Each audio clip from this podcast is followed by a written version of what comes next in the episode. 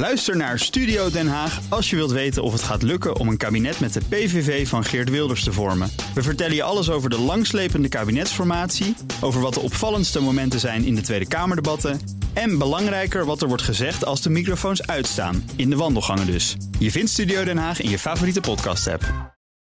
Dit is de Oekraïne Ochtend Update. Mijn naam is Geert-Jan Haan. En ik ben Bernard Hammelburg. We praten hierbij over de laatste ontwikkelingen in Oekraïne. En de gevolgen voor en de reacties van de buitenwereld. Je vindt deze podcast in je favoriete podcast-app.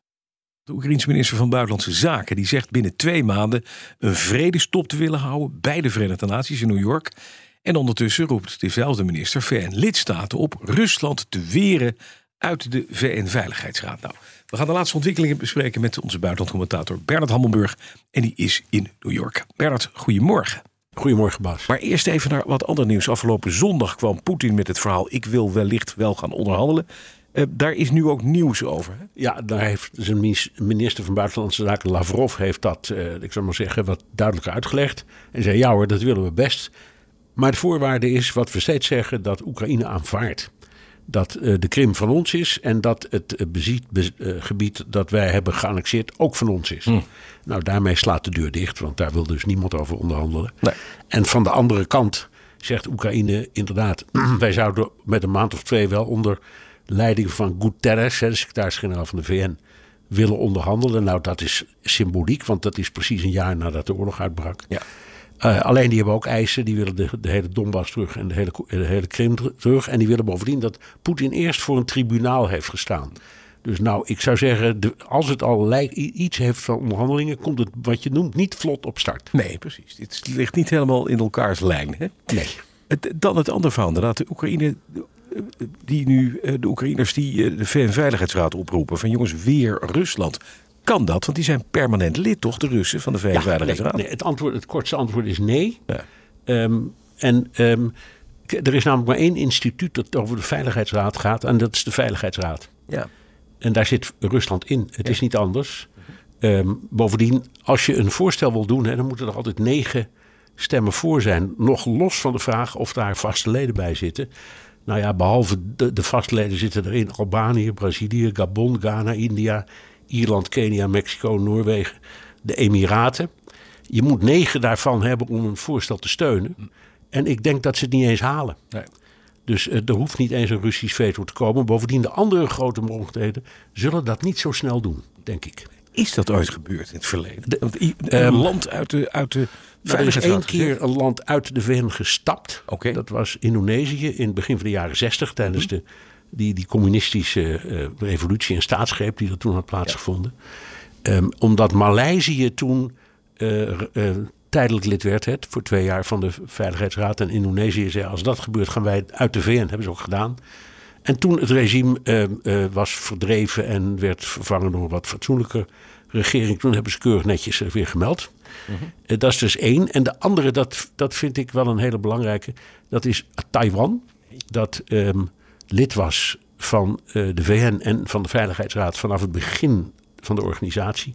Tot 1971, toen is op voorstel van Albanië notabene uh, besloten om Taiwan uit de, de, de Verenigde Naties te schrappen en China binnen te halen. Okay. En sindsdien is China dus lid, zit China ook in de Veiligheidsraad en Ja. is Taiwan geen lid van de Verenigde Naties. Bij mijn weten is dat het enige geval. Ja, ja, dat de Russen daaruit zullen verdwijnen, dus die kans is klein. Uh, dan eventjes terug nog naar dat bezoek wat Zelensky vorige week bracht aan Amerika, aan Biden. Zo'n zo flitsbezoek. De Oekraïnse minister die zegt, uh, ja, buitenlandse, buitenlandse zakenminister zegt dat hij heel tevreden is over, dat, over de resultaten die Zelensky geboekt heeft bij dat, bij dat, bij dat bezoek. Maar ja, behalve de toezeggingen die Biden deed over nieuwe wapensystemen en extra steun, heeft het inderdaad veel opgeleverd? Ja, dat heeft, ik denk wel veel opgeleverd. In de eerste plaats uh, iets dat voor ons allemaal wel van belang is. Want Amerika heeft even laten zien dat Amerika toch nog steeds de leidende macht is in het Westen. En mm -hmm. dit soort dingen dus doet. Dus Zelensky had ook naar Brussel kunnen gaan, of Parijs, of Londen, of, noem, of, of Berlijn. Maar hij ging naar Washington, is niet voor niets. Dus de symboliek hiervan is heel groot. Uh, er speelt nog iets. Uh, dit is het oude congres. Dat zit er nog een paar dagen. Op 3 januari komt het nieuwe congres. Ja. En dat heeft waarschijnlijk wat meer scrupules over dat enorme hulpprogramma.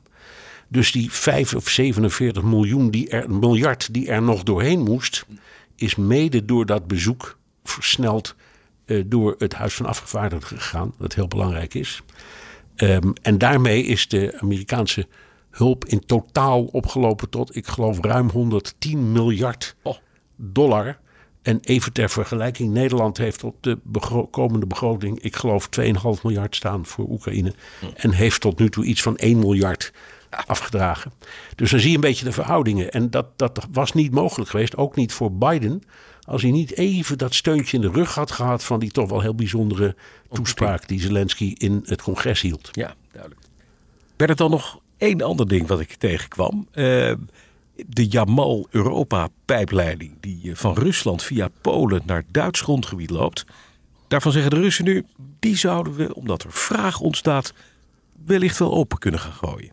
Ja, nou dat is heel handig, omdat dat doen ze dus steeds. Mm Ze houden eh, vooral Duitsland steeds een worst voor omdat Duitsland het, het, het meest wijfelt en twijfelt over hoe hard je moet toeslaan. Ja, ja. En de laatste, de laatste periode, de laatste maanden, anderhalve maand, kun je zeggen dat Scholz toch behoorlijk militant is geworden in zijn houding tegenover Rusland. En dit is denk ik een poging om te kijken van uh, hoe dik is het ijs eigenlijk.